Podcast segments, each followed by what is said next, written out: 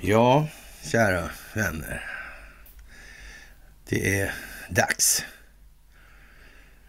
för något fantastiskt. Det är dags för den mest dramatiska veckan hittills. Tänka sig så det kan bli alltså. Det är alltid samma visa. Om och om igen alltså. Det här verkar kunna bli lite dramatiskt. Uh, dagen, just idag, det är någon sån här... Den års dagen på någon sån där oktobrisk revolution kanske, jag vet inte. Kan det ha något med saken att göra? Jag vet inte. Det verkar, ja, landet i fråga tycks ju ha utgjort någon form av, eh, ja, ja, fientligt sinnad identitet helt enkelt. I århundraden alltså. Mm, trots att de knappast eh, saknar utrymme på hemmaplan. Jag vet fan är det konstigt. Ja, som sagt, det är fantastiskt. Mm. Vi skriver den 7 november 2022. Det är en ny vecka. Och det är dags för ett eh, måndagsmys. Ja, det är alldeles otroligt bra det ni gör. Det är helt otroligt. Det går otroligt snabbt framåt. Ni märker hur det så att säga homogeniseras ordentligt. Mm. Det är faktiskt jättebra. Problemformuleringen blir allt mer exakt. De flesta har en vidgad bild av hur verkligheten ser ut. Det är riktigt jävla bra. Och det är nödvändigt inför vad som nu kommer. Helt säkert. Ni ska ha det största av tack, som alltid, för gåvor på Swish och Patreon. Ni ska ha även ett jättetack för att ni fördjupar er på karlnorberg.se och eh, utgör den förändring som ni vill se i vår omvärld. Mm. Ni ska ha tack för att ni hakar på Telegramtjänsten. Ni ska som alltid ha tack för att ni hjälper till att sprida underpoddar och alldeles särskilt då den här Free People's Movement, för den är väldigt kritisk ur det internationella perspektivet för att folk ska förstå bättre vad som nu kommer. Det här är inte så lätt för människor i andra länder att se det vi svenskar har sett hela våra liv. Mm. Ja, det är lite speciellt med de här överstatliga projekten. Och, mm, det är även, imorgon är det ju det här mellanårsvalet där och det är också speciellt. Vi har ju sagt lite grann om det. Det här med stingoperationen och folkbildningsprojektet och vad som leder till vad i det här och Ukrainas roll i saken och så vidare. Och jag tror de flesta börjar se att det här faktiskt sitter ihop på det sättet nu. Det är ju lite speciellt ändå. Mm. Det är ju lite speciellt och Sveriges NATO-medlemskap och det här valet i USA, där är ju då National Guard inkallad i, ja men det är 17 delstater tror jag eller sådär. Mm, där har man jättenoga militär bevakning helt enkelt. Mm. För övrigt då finns ju Space Force och de här och ja, tittar som vanligt på vad som händer. Mm. Ja, vi kommer tillbaka till det. Ni är fantastiska. Det är väl kontentan av det här och eh, vi kan med tillförsikt se fram emot den tid som kommer nu. Det kommer att bli en hel del gnissel också naturligtvis, men eh, vet man vad som är verkligheten och vad som måste komma, mm. ja då är det ju som det är helt enkelt. Det är ingenting att vara ledsen över, det är ingenting att egentligen vara glad över kan man ju alltid vara att, att det blir en verklighetsanpassning, men ja, Det här är speciellt nu alltså. Riktigt, riktigt, riktigt speciellt. De här överstatliga projekten som EU till exempel, de verkar hamna lite i delo nu med USA allt mer. Alltså det verkar vara som någon sån här uh, inflation uh, reduction act, alltså IRA liksom ja, mm strider mot nätet. Men det verkar vara som att eh, EU är lite sura på USA, liksom det här. Ja, eh, e EU-kommissionen säger att det bryter mot reglerna för rättvis konkurrens alltså. Ja. Mm. Hur skulle det gå med EU, sa vi? I sin nuvarande form och tappning så kan vi nog se det som så att eh, den har framtiden bakom sig. Ja. Absolut. NATO kanske? samma, lika dit då alltså. Mm. Ja, ja, ja, ja. det verkar så. Det verkar onekligen så alltså. Jaha, och eh, FN då. FNs generalsekreterare hävdar att vi är på motorvägen till klimathelvetet med foten fortfarande på gaspedalen alltså. Jaha, han efterlyser också internationell solidaritet eftersom världens ledare uppmanas att vidta snabbare och järvare klimatåtgärder vid den här COP27 i Egypten. Ja, jag vet inte. Det verkar också, det där projektet verkar ha gått lite sådär på sniskan och har väl seglat ner i diket för rätt länge sedan. Mm. Det måste man nog tillstå. Är det någon som tror på det där jävla tramset egentligen? Uh, det verkar inte riktigt så faktiskt. Mm. Och det här med hemma vid här, de här gasledningarna och svenska förehavanden och ja.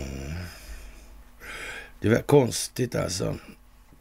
Ryssland anser att brittiska specialister bakom, ligger bakom en drönarattack. Alltså. Rysslands försvarsministerium an, eller anklagar Storbritannien för att ha hjälpt till att genomföra drönarattacker mot hamnstaden Sevastopol på Krim. Alltså. Brittiska specialister ska ha övervakat attacken som Ryssland beskriver som en terroristoperation. Man betonar att Storbritannien kommer att hållas ansvariga för fortsatta, fortsatta organ, eller aggressioner. Och, och, attacken mot hamnstaden där Rysslands svarta havsflotta befann sig genomfördes enligt ryska Russia Today med nio luftburna och sju vattenburna drönare som samtliga ska ha skjutit ner av, skjutits ner av Ryssland, samtliga då. Och eh, dådet ska också ha resulterat i mindre skador i hamnen och på ett ryskt fartyg. Mm. Det ryska försvarsministeriet anklagar Storbritannien för att ha bistått i attacken och menar att en brittisk specialenhet först utbildat ukrainska militärer denna typ av krigföring och att attacken sedan genomförs under brittisk övervakning. Mm. Konstigt det där alltså. Kan det, känns, skulle det där kunna genomförts någon annanstans eller nej? Mm. Jag vet inte. De verkar ju ha koll på det här väldigt noga alltså. Kan de ha haft koll på det här med Nord Stream också då, kanske? Eller var kanske på Nord Stream de lärde sig? Innan dess hade de ingen aning om att sånt där skulle kunna ske. De hade bara lite otur. Mm omständigheter kom till den part som inte var förberedd alltså. Mm.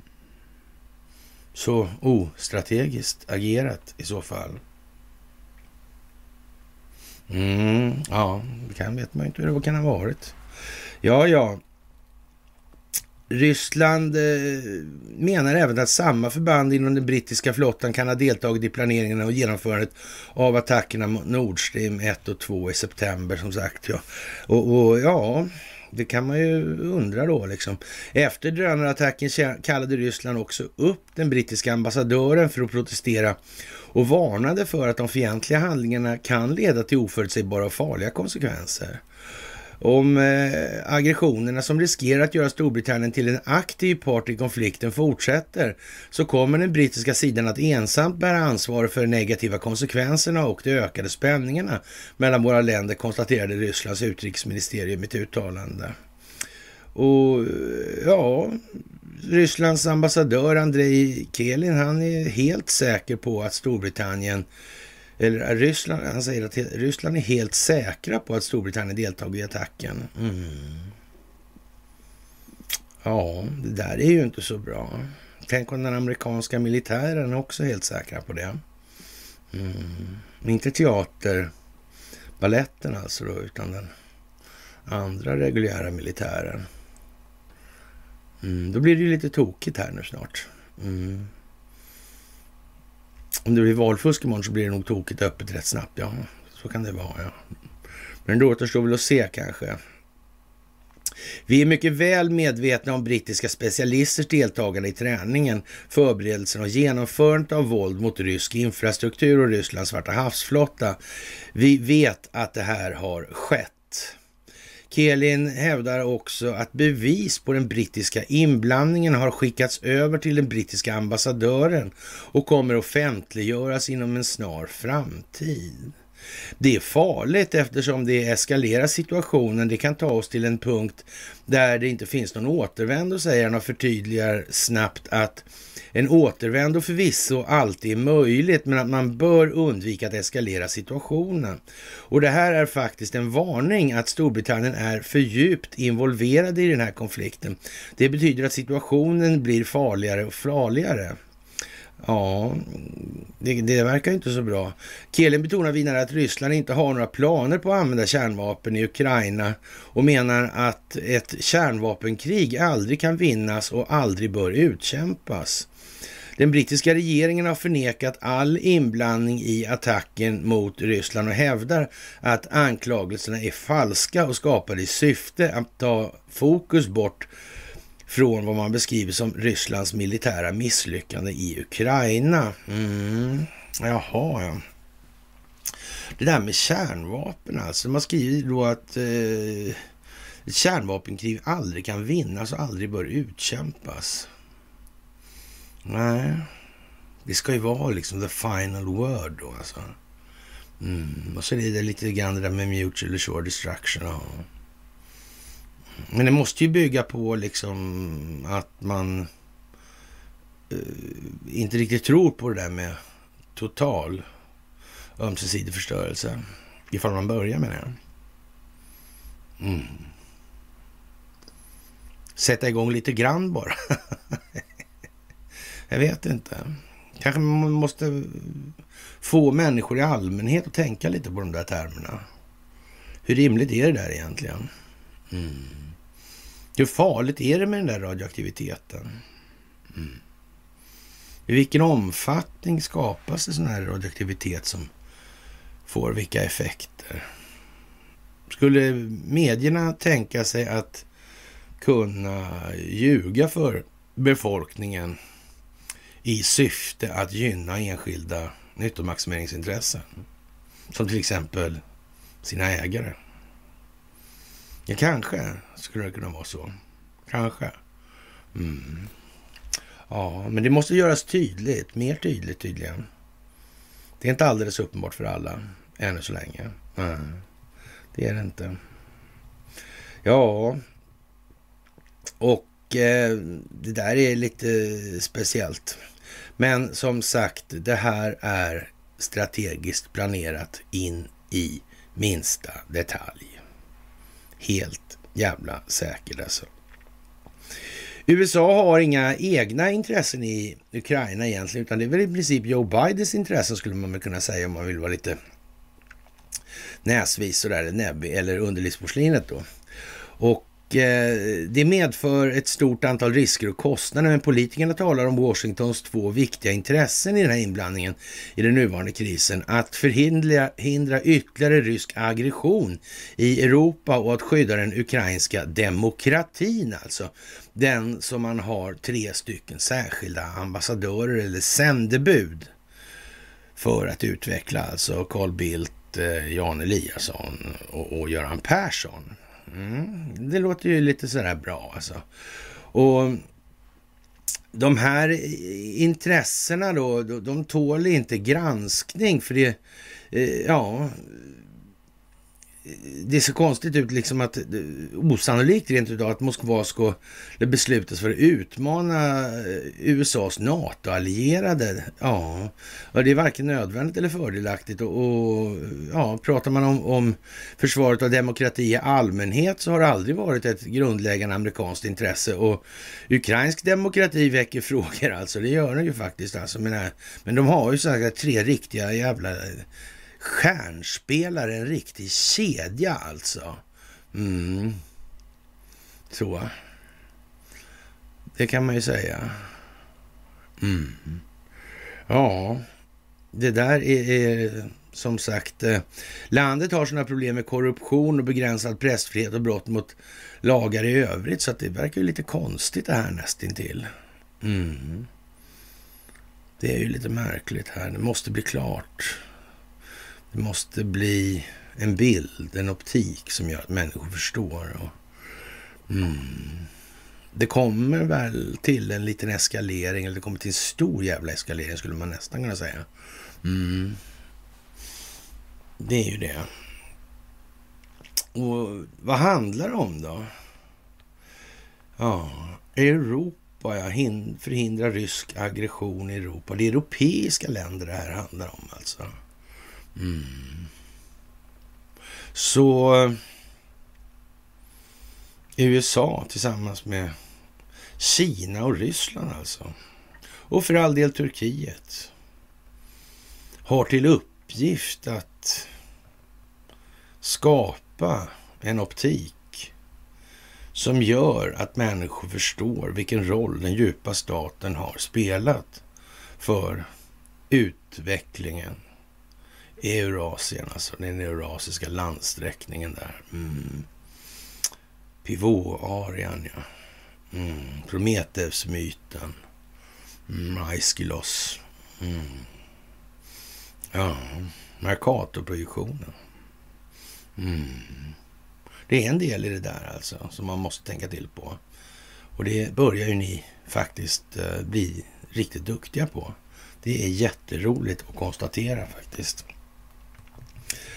Ja, som sagt. Eh, I det här sammanhanget så har vi det moderna kriget att utgå ifrån alltså. Och det moderna krigets tre beståndsdelar, ja, det känner ni ju till.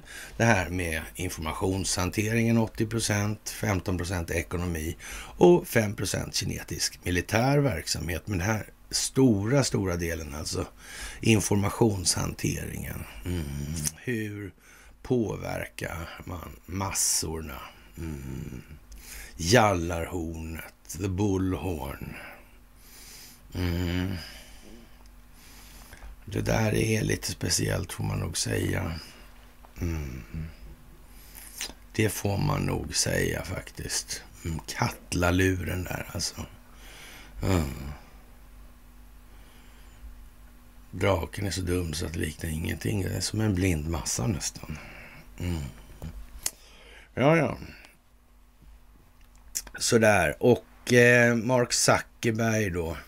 Meta som äger Facebook och Instagram och WhatsApp och så. Han är inspirerad av Elon Musk nu verkar det som här. Mm. Kan det bero på att eh,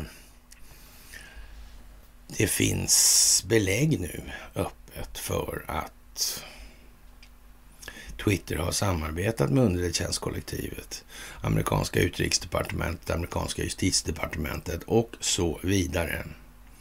Mm. NSA. Mm.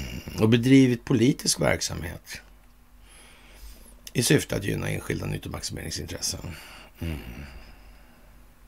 Kan det vara så att eh, Damsa kan eh, ja, fattar på något vis att han sitter liksom lite i hissen. Det där värdet på, på Meta verkar väl ha gått lite sådär va. Senaste veckorna har jag fått för mig alltså. Mm. Och, och, de här nedskärningarna de är storskaliga och förväntas påverka tusentals anställda. Och ett tillkännagivande kan komma redan på onsdagen säger källorna i slutet av september hade Meta då mer än 87 000. Det är rätt många alltså. Mm. Vad gör alla de där ens? Är det bottar också kanske i det där. Mm. Ja. Hur går det med annonsintäkterna om det visar sig att man har en massa bottar som klickar på annonserna? Eller jag vet inte. Mm. Ja, ja. Mm. Men det verkar som att Facebook mm, tvingas gå samma väg liksom i det här. Mm. Det är ju konstigt alltså. Det verkar som det är planerat ändå alltså. Någon har liksom tänkt till. Mm. Ja, det är speciellt. Det är speciellt alltså. Mm. Och det kan man eh, så att säga tycka är lite på tiden helt enkelt nu det här. Mm. Man tar liksom en Jonathan Lejonhjärta här alltså gör det. Mm. Man rycker liksom eh, med Katla-luren där eller hornet eller så. Ur handen på Tengil Ja. Det där är ju inte bra. Då har man själv alltså i det här. Och eh, håller man sig bara till verkligheten behöver inte göra någonting egentligen. Det är väl egentligen det vi har sagt hela tiden också. Ge oss bara ett fritt internet så ska vi nog hantera det här hur som helst. Så är det ju faktiskt. Behöver vi ingen hjälp sen egentligen i någon, form, någon som helst form av omfattning. Då kommer det här lösas ändå. Mm. Så är det ju. Med hänsyn taget till hur stor andel mm, det moderna krigets informationshanteringsfaktor faktiskt är och utgör. Ja, ja totalet då. Det är ju som det är nu här. Mm. Faktiskt. Det drar ihop sig som flickan sa, sa någon då. Ja, och eh, det här med valet i USA nu alltså. Mm. Ja, det kan bli både senat och kongress alltså. Det är ju rätt så avancerat att hålla det så. Och, och men Joe Biden han säger ju lite annorlunda. Mm. Hur är det med Joe Biden eller underlivsporslinet egentligen? Mm. Vet han vad han gör den där? Varför sitter han inte i fängelse för? Höll jag på säga. Varför sitter inte sonen i fängelse för? Mm. Hur styr man ett land? Mm. Ja, vad kan det bero på? Vad kan det bero på, ja? Ja, ja, på temat val under militärt överinseende. Alltså, det går inte att fuska utan att ertappas nu den här gången. Och det, det kommer bli en stor skillnad eh, mot alla tidigare val i västerländska demokratier som har förevarit genom historien. Det ska man väl komma ihåg också. Det republikanska partiet verkar väl positionerat för att avlägsna kontrollen över representanthuset från Demokraterna enligt de senaste mätningarna, medan senatens öde kan komma ner till en handfull snäva sådana här val då, delstatsval. Och eh, som vissa experter säger kan bero på valdeltagandet. Mer än 39 miljoner amerikaner har redan avgivit röster under mellanårsperioden enligt officiella uppgifter som samlas in av det amerikanska valprojektet i söndags alltså. Och ja, det är klart att eh, de är mycket mer entusiastiska, republikanerna på något vis. Och det verkar precis som att eh, ja, demokraterna är modstulna. Alltså det är bara tappade sugar alltså. Och, och ja, tråkigt liksom verkar de tycker det. De verkar inte ens engagerade och ja, gå och välja helt enkelt längre. Det finns liksom ingenting att köra på. Och ja, Republikanerna kämpar till det bittra slutet med ett enhetligt trossystem till skillnad från Demokraterna som inte har någon som motiverar eller någon eller något som motiverar dem att gå, ens gå till vallokalerna längre. Och, och ja, det, det är ju lite speciellt kanske, får man väl säga. Och kanske inte så jättelovande heller då för Underlivsporslinets gäng alltså. Nej. Jag vet inte. Donald Trump han sa häromdagen, om det var igår kanske, eller om det var i förrgår. Att inom en mycket, mycket, mycket, mycket kort tid så kommer många människor bli väldigt, väldigt glada. Vilket man i de här sammanhangen också kan tillfoga då. Och en hel del andra människor kommer att bli något lite mindre glada. Mm, sådär. Faktiskt. Det är lite speciellt nu alltså. Och demokratiska väljare är demotiverade, inte motiverade, frustrerade inför det här mellanårsvalet. Och, och, ja, det är väl lite grann så. Det har ju krävts nu under rätt lång tid. Ett ökat allmänt medvetet medvetande. Mm. Och det drabbar ju även då demokrater som förstår liksom att det här är ju rena rappakaljan. Det är ju Nancy Fancy Pansy liksom. Ja. Tjacka nya lökar liksom. Men Pilske Polle, han var ju, lekte gömma hammaren-leken där med någon mm, BLM-lirare där. Mm. Ja, jag vet inte, men det måste ju finnas på övervakningsfilmer om det stämmer alltså. men, och de är väl inte avlyssnade de där eller? Nej, nej, nej, nej. Mm. Nej, det kan man inte tänka sig. Ja, eh, vad ska man säga? Eh, en av USAs högsta militära befälhavare som övervakar USAs kärnvapenprogram uppmanar USA att dramatiskt uppgradera sina försvarsförmågor, alltså varna för att Kina utvecklade kärnvapen snabbare än USA och till eh, den stora kommer alltså. Mm. Och, och, det här vet man ju inte liksom. Eh, ja, det där med kärnvapen ja. Mm. Mm. Mm. Så vad sa vi nyss? Sa vi någonting om Turkiet, Kina, Ryssland och USA? Va? Mm. Och då tänker vi på den här bilden med den där Globen då. Mm. Och där telekombolaget och kraftförsörjningsbolagen och alla andra jävla bolag de har. Mm. Ah. Aha. Men måste, hur ska man skapa den här liksom dramaturgin som ger sådana reflexiva kontrolleffekter som man uppnår ett önskat opinionsbildningsklimat. Alltså, det vill säga man krattar manegen precis så som den ska vara krattad för att motsvara vad som krävs för att förstå omvärldsutvecklingen. Mm. Det blir ju liksom som, lite som att spela det baklänges, alltså som det redan egentligen hade hänt. Ja. Så va. Mm. Det stora är ju det där, har man opinionen med sig kan man göra vad man vill. Har man den inte med sig kan man inte göra någonting alls. Det kanske man ska komma ihåg nu, för det tror jag är jättebra att tänka på. Alltså. Faktiskt. Och eh, som sagt, eh, uh, när det bedömer nivån på avskräckning mot Kina sjunker det här fartyget rätt långsamt då, säger den här amiralen då, Richard.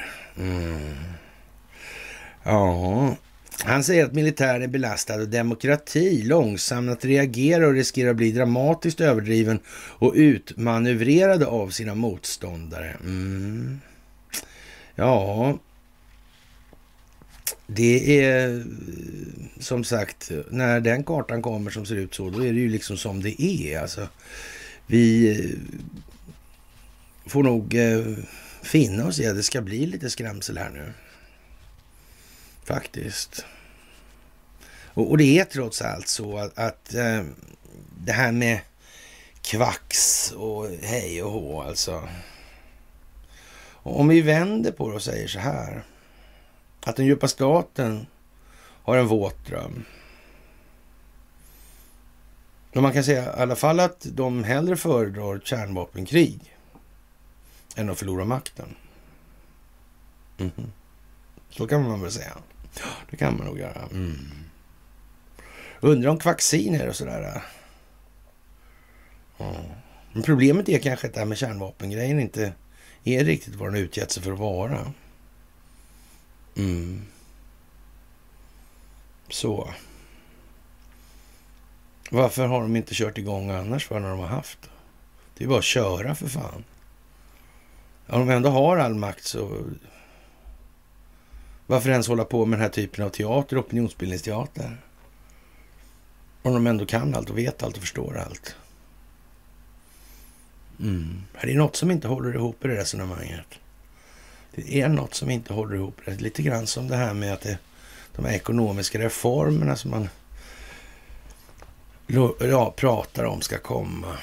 Mm. Där det på något vis ändå är så att det här med att tillgångar faktiskt är enskilt kontrollerade räntebelastade skulder och ingenting annat. Mm. Och ändå ska liksom inte... Och de utgör problemet i sig alltså. Men de ska inte åtgärdas på något vis. Det ska bli någon, jag vet inte. Det, det, känns lite grann som att guldet håller på att bli till sand även i den meningen just nu. Mm. Det vill jag nog påstå alltså. Ja, Amiralen här i fråga, han är en riktig entusiast och sannolikt eh, lite mer medveten om vad han ger sken av i det här sammanhanget. Han lägger nämligen till att eh, USA borde återfå dynamiken och kan göra-andan från 1950 och 60-talet, alltså det kalla krigets dagar där. Ja. ja, ja, ja, det tänkte jag inte på. Nej, just det. Ja, den här Ukraina-krisen som vi befinner oss i just nu är uppvärmningen, sa han och talade till Naval Submarine Leagues årliga sammankomst i Arlington, Virginia. Och den stora kommer, den kommer inte att ta särskilt lång tid innan vi kommer att testas på sätt som inte har testats på länge, sa han. Och det kan man väl säga att det var lite grisbukter och såna här grejer också. Mm. Det var ju det. Och vad hände där då? Var det någonting med han... Eh Allen Dahl, va? Det var någonting med ja, Kennedy, tror jag, också. Och så var det någon Warren-kommission där och såna grejer. Ja, han gjorde någon tafflig, någon taffligt invasionsförsök där, CIA och sådär. Mm. Hela den där soppan var konstig alltså. Mm. Var det de där, Bröderna Dals där, de... Ja. Washingtonförhandlingarna, Boschaffären. Mm. OSS. Mm. Ja, det där är, är ju liksom som det är. Men som sagt, det är bra att läsa in sig eller för, sätta sig in i vilka personer det här handlar om och varför. Det är nog bra nu. Det är nog jätte, jätte, jättebra nu faktiskt. Hög tid skulle vi kunna säga. Utan att överdriva allra minsta. Det går igen på flera håll. Mm. Mm. Ringar, ja. Huh. Nyckelringar. Hm. Nyckelpiga kanske. Hm. Ja, det fanns en massa ringar en gång i saga. Hm. Ja, ja. Så kan man säga. Och ja, det här vapenskramlet som Ryssland håller på med då, som amerikanerna hävdar att Vladimir Putin håller på med alltså. Eh, ja, det är brådskande nu att omvärdera det här alltså och sätta fart med det här som Donald Trump sa alltså. Mm. Rusta upp nu ordentligt med kärnvapnen alltså. Mm. I alla fall i ord. I verkligheten kanske det inte riktigt blir så mycket, men ändå. Ja, det handlar om opinionsbildning nu här.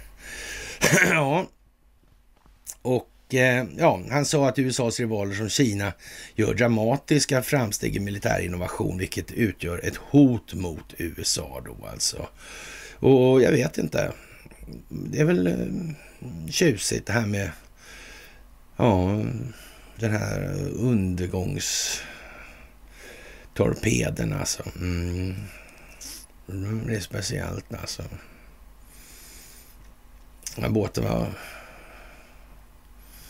stor nu, båten alltså. Mm. Mm. Oktoberrevolutionen. Mm. Mellanårsvalet. Som sagt, det är vad det är nu alltså.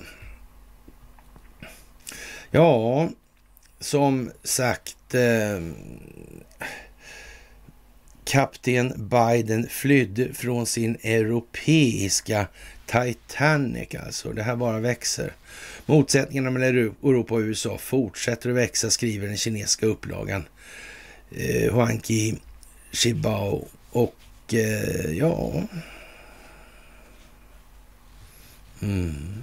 Och Sverige måste med i NATO. Undrar vad hon Undrar om det blir något på den här skandinaviska teatern överhuvudtaget.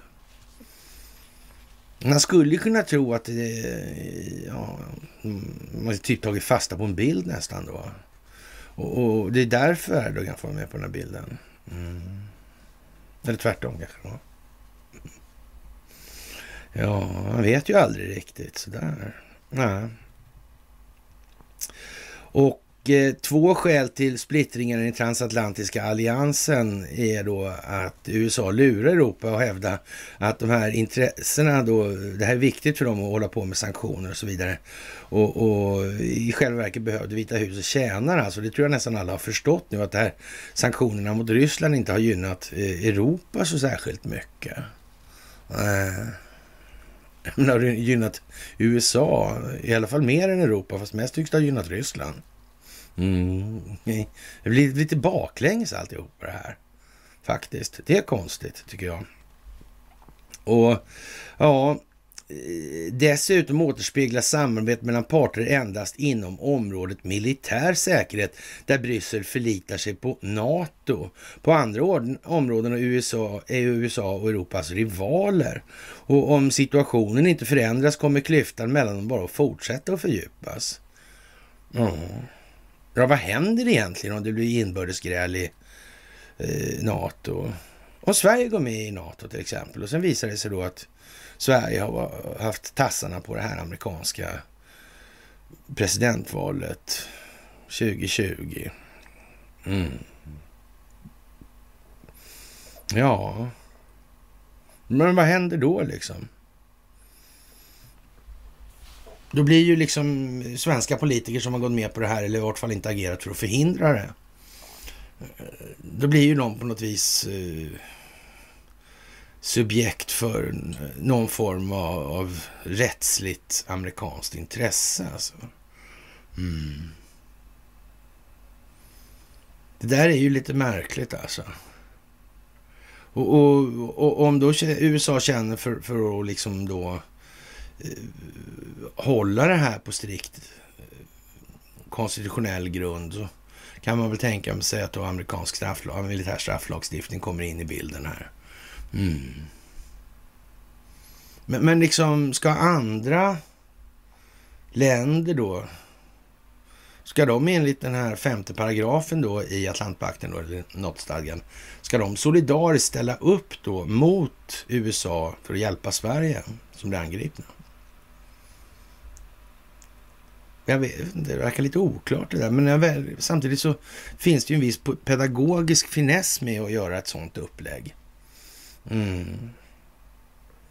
Det kanske är befolkningarna främst, alltså inte det överstatliga som ska utgöra grunden, som ska utgöra säkerheten.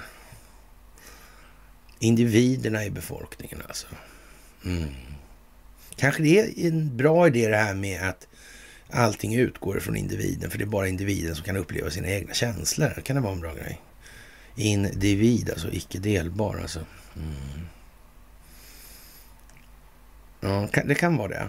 Mm. Men, men då blir det där, då får man nog fan finna sig Då får man nog ha republik också då kanske. Ja. Mm. Det bör man nog tänka sig i så fall. Ja. Ja, ha, utredare bygg 2000 till 5 000 nya skyddsrum per år alltså. Och, och, vi måste ha det här nu säger man och jag vet inte riktigt om eh, eh vad, vad fan man ska säga. Sverige har för få skyddsrum alltså i händelse av krig. Ja, eh, det menar den särskilda utredaren Britt Bolin, alltså. Det är hon den där gamla, ja just det. Som eh, idag lägger fram sin utredning om civilbefolkningens skydd vid höjd beredskap alltså. Ja. ja, jag vet inte. Det är klart det måste bli dumt det här. Vi kanske skulle eh, inte se krig som någonting eftersträvansvärt. Man skulle väl nästan kunna säga så här att eh, om militären är garantin då mot krig som vi har lärt oss då i det här nu. Mm. Hur har det gått med det där egentligen? Har, det, har avsaknaden av militär lett till fred eller så att säga lett till krig då? Militär har det väl funnits. Jag kan tänka mig att försvarsanslagen på planeten faktiskt aldrig har varit större och det är väl mer krig än någonsin just nu. Maken till oreda. Mm. Men något storskaligt skit går ju inte att få igång därför det kräver ju opinion alltså. Det duger inte längre i det här informationsrörlighetsklimatet. Det är också en förändrad faktor i det, eller en förändrad ingångsparametrar i det här. Och, och ja, det, det, är lite sådär halvkomiskt faktiskt, måste man i händelse av ett kring då. De stavar fel också naturligtvis tidningarna i de här sammanhangen. Det, det är ju lite sådär konstigt kan man ju säga. Och som sagt, det här måste ju trappas upp ordentligt. Och då är frågan så här, utgör Ukraina det sjunde insegel?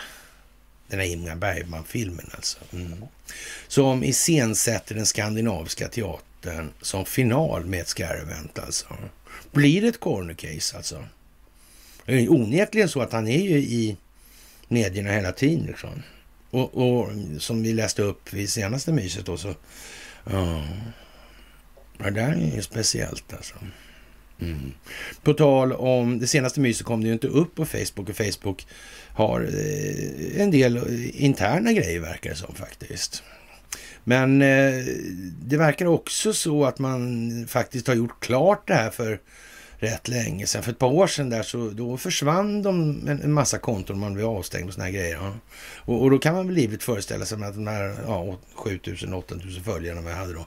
Så, så det var nog en och annan bott bland dem helt enkelt. Då, för det var ju en helt annan aktivitet på kontot på en gång. Det kunde man ju säga. Mm. Sådär ja. ja. Men, men sen var det ju det här med, då skulle man visa legitimation och såna här grejer också. Innan man gav tillbaka där. Ja. Och sen kom ju det här tvåstegsverifikationen där. Och sen kommer det här med Twitter nu och Elon Musk. Och så kommer det där med bottarna. Så kommer samarbetet med underrättelsetjänstkollektivet. Gäller samma sak för Meta. Zuckerberg är Nasdaq-miljardär. Mm. Lätt fånget, lätt förgånget skulle vi säga. Mm. Ja, ja. Mm. Så kan det vara, ja. Mm. Det tycks vara som att det är förberett. Sen länge, länge tillbaka det här. Mm. Förvärvsbolag. Truth Social. Mm. Ja. Kärnvapenupptrappningen.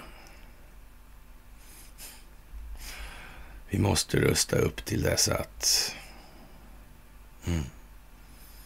Eller är de bara där, alla de här parametrarna, liksom en passant? Liksom, de bara råkade ha vägarna förbi, eller? Ja, en gång, ingen gång och två gånger en gång, gång alltså. Det sjunde inseglet Ingmar Bergman är trevlig. Sommarnattens leende är lite mera skrattframkallande dock. Och en annan favorit i de sammanhangen. Gammal favorit. Och jag plågade Conny och, och Marcus och de här med Sommarnattens leende i rätt många år faktiskt. Gick igenom varenda scen. Vad andemeningarna var för någonting. Fantastiskt. Fantastiska tider. Ett minne för det här livet i alla fall. Eller från det här livet som jag tar med mig. Ja, och eh, nu är det sammandraget till ett kramptillstånd som heter duga. Alltså snart börjar de här kramperna att släppa då i anledning av mellanårsvalet imorgon då. Och, och det här vattnet som är uppdämt då, det börjar röra på sig en våg då. Ja, en röd våg helt enkelt. Mm. Den kommer att rulla runt planeten. Det kommer den att göra alltså. Och den kommer spola bort den djupa staten. Och vad ska vi säga när det gäller det här med Twitter egentligen? Ursäkta.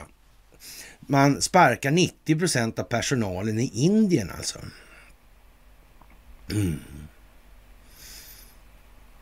Menar, har, vilket land på jorden har Ericsson mest anställda i? Då måste jag nysa direkt alltså. Ja, vilket land kan det vara? Mm. Indien, ja. Är inte det tjusigt? Mm, de här callcentren där. Och så vidare. Mm. Jag undrar om någon har upptäckt det där. Undrar om Donald Trump upptäckte det där. Han vet ju i alla fall att det finns ett företag som heter Ericsson. Det har han ju sagt en gång i alla fall. Kanske någon gång. Mm. Small country, very sharp, sa han också sagt. I anledning av besök i Vita huset med någon med slipsen på sniskan och händerna i byxfickorna och allt vad det var. mm. Oknäppt kavaj. Ja, ja, faktiskt. Lite udda kanske. Eh, Serbiens president Alexander Vucic, han, eh, eller Vukic, har jämfört den förväntade striden om Cherson mellan ryska och ukrainska styrkor med slaget vid Stalingrad under andra världskriget och har varnat för att efterskalv från striderna skulle märkas långt utanför konfliktområdet. Vi har den eurasiska landsträckningen, vi har Balkan, mm, där man satte fast Prometheus. Mm. Mm. Vi har fredsförhandlare där. Det är ju samma fredsförhandlare som var där förresten som håller på med demokrati och ekonomisk utveckling i Ukraina. By the way alltså. Han är, han, den här Vucic kanske inte har, eller Vukic, vilket det nu är. Han kanske inte har någon koll på det. Jag vet inte riktigt faktiskt. Ja, men, men hur som helst så kan man ju konstatera då att eh, och säga då att det ligger ett år till fram i tiden och att det ligger något mycket värre då som kommer, Stalingrad här. Ja, hur var det med motivationen för det här valet? I USA alltså.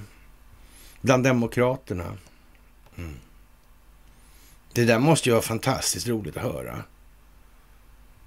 Inte en spänn till hemmabefolkningen. Det blir värre och värre och värre. Och det enda de där demokraterna gör i ledningen är att skor sig själva. Alltså.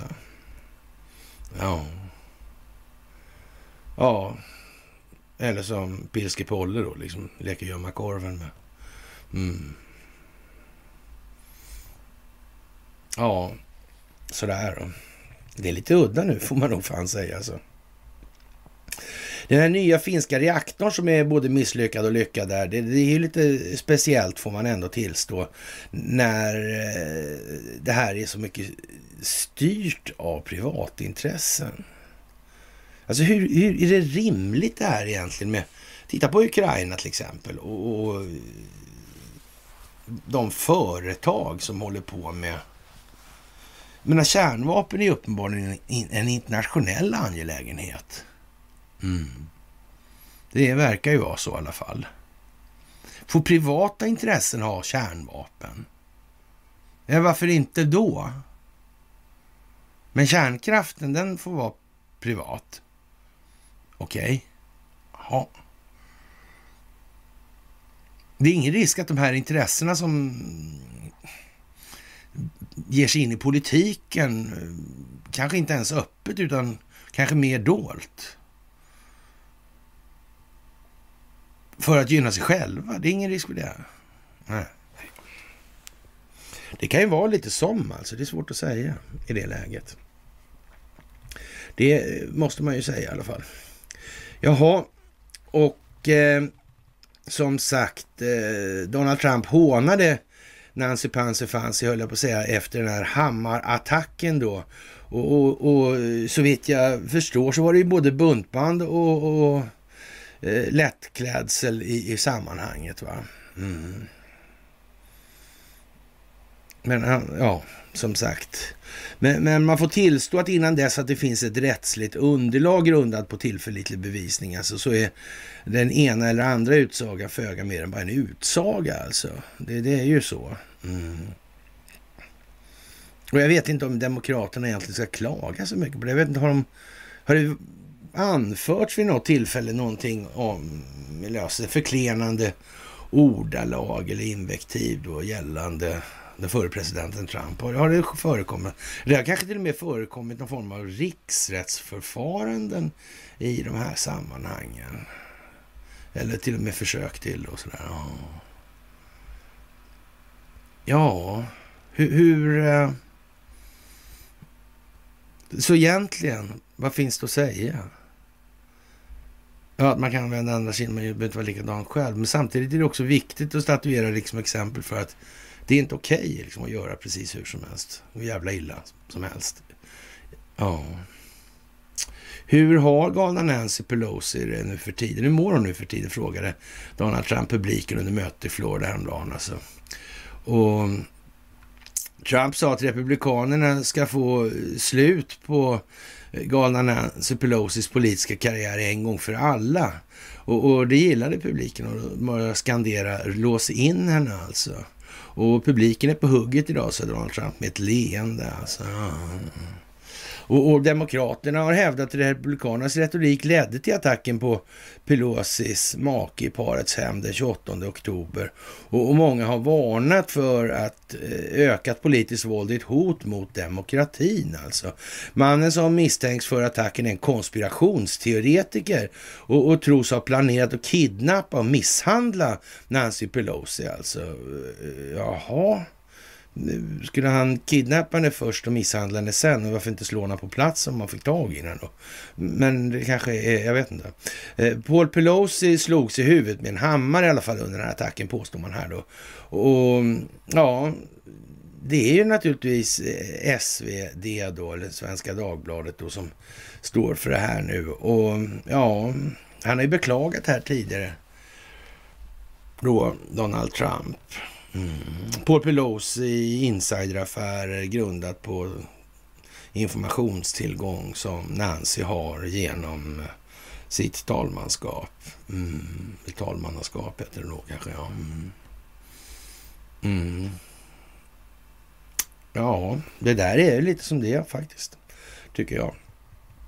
Jaha, chocksiffran Riksbanken behöver 50 till 70 miljarder ja, eh, hovnaren Cervenka eller grindväktaren är på bild tillsammans med Åsa-Nisse. Inga av herrarna är grönhårig dock. Men eh, jag vet inte.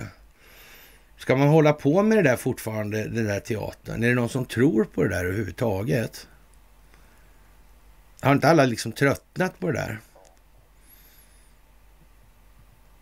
Ja, det, alltså det, det där är ju inte riktigt lika jävla illa som, som det här med de här underlösningarna då. då när, när ja, en skuldmassa eh, som tillgångsmassa helt bara, bara försvinner någonstans ut i whatsoever liksom. Mm. Ja, och alla skulle rädda sina pengar och sånt där. Mm. Men de som är hårdast drabbade, eh, eller hårdast drabbade av det här systemet har väl näppeligen några tillgångar kvar. Eller hur fan menar man här egentligen? alltså det håller inte streck någonstans liksom. Jag tycker att det här, ja, whatsoever liksom. Ja, eh, jag, jag, tror att, att eh, vi kommer nu här alldeles, alldeles nu fram till den punkten då Väldigt många måste faktiskt nu sluta hemfalla åt teoribildningar som helt saknar bäring på verkligheten. Mm. Det här med logiskt konsekventa kedjor till saklig grund alltså. Mm. Det där är någonting man måste faktiskt börja anamma. Jaha, och eh, fortsatt räntechock alltså. På temat att vägra kämpa för sin egen utveckling. Förr eller senare så biter det här ju. Och, och, det enda som befolkningen behöver göra nu egentligen, det är att gå till sig själva och ställa sig frågan, vill jag ha ett samhälle eller inte? Alltså, och, och då, i, det, i den då ligger det implicit då ett innehåll, en värdeladdning som säger så här att vi får välja. Vill du ha ett samhälle eller vill du inte ha ett samhälle? Alltså, vad är frågan här nu? Mm. Var kommer du själv in i det någonstans? Vill du att det här främst ska gynna dig? Ja, då är det så, men du är inte samhället. Du är en del av samhället möjligen. Mm. Ja, det är det liksom. Man måste ju ändå få tjäna lite, tycker alla då. Men om det ska vara ledstjärna så är det inte det. Det går inte som ledstjärna. Hur mycket då? Och varför? Hur länge? På bekostnad av vad? Och så vidare. Eller till vilken kostnad? Det är viktigt nu. Riktigt viktigt alltså. Och när centralbankerna trycker upp det här på det vis som de gör. Mm. Förstår inte de vad som sker? Jo, de gör ju det. De gör det i alla fall. Mm. Mm.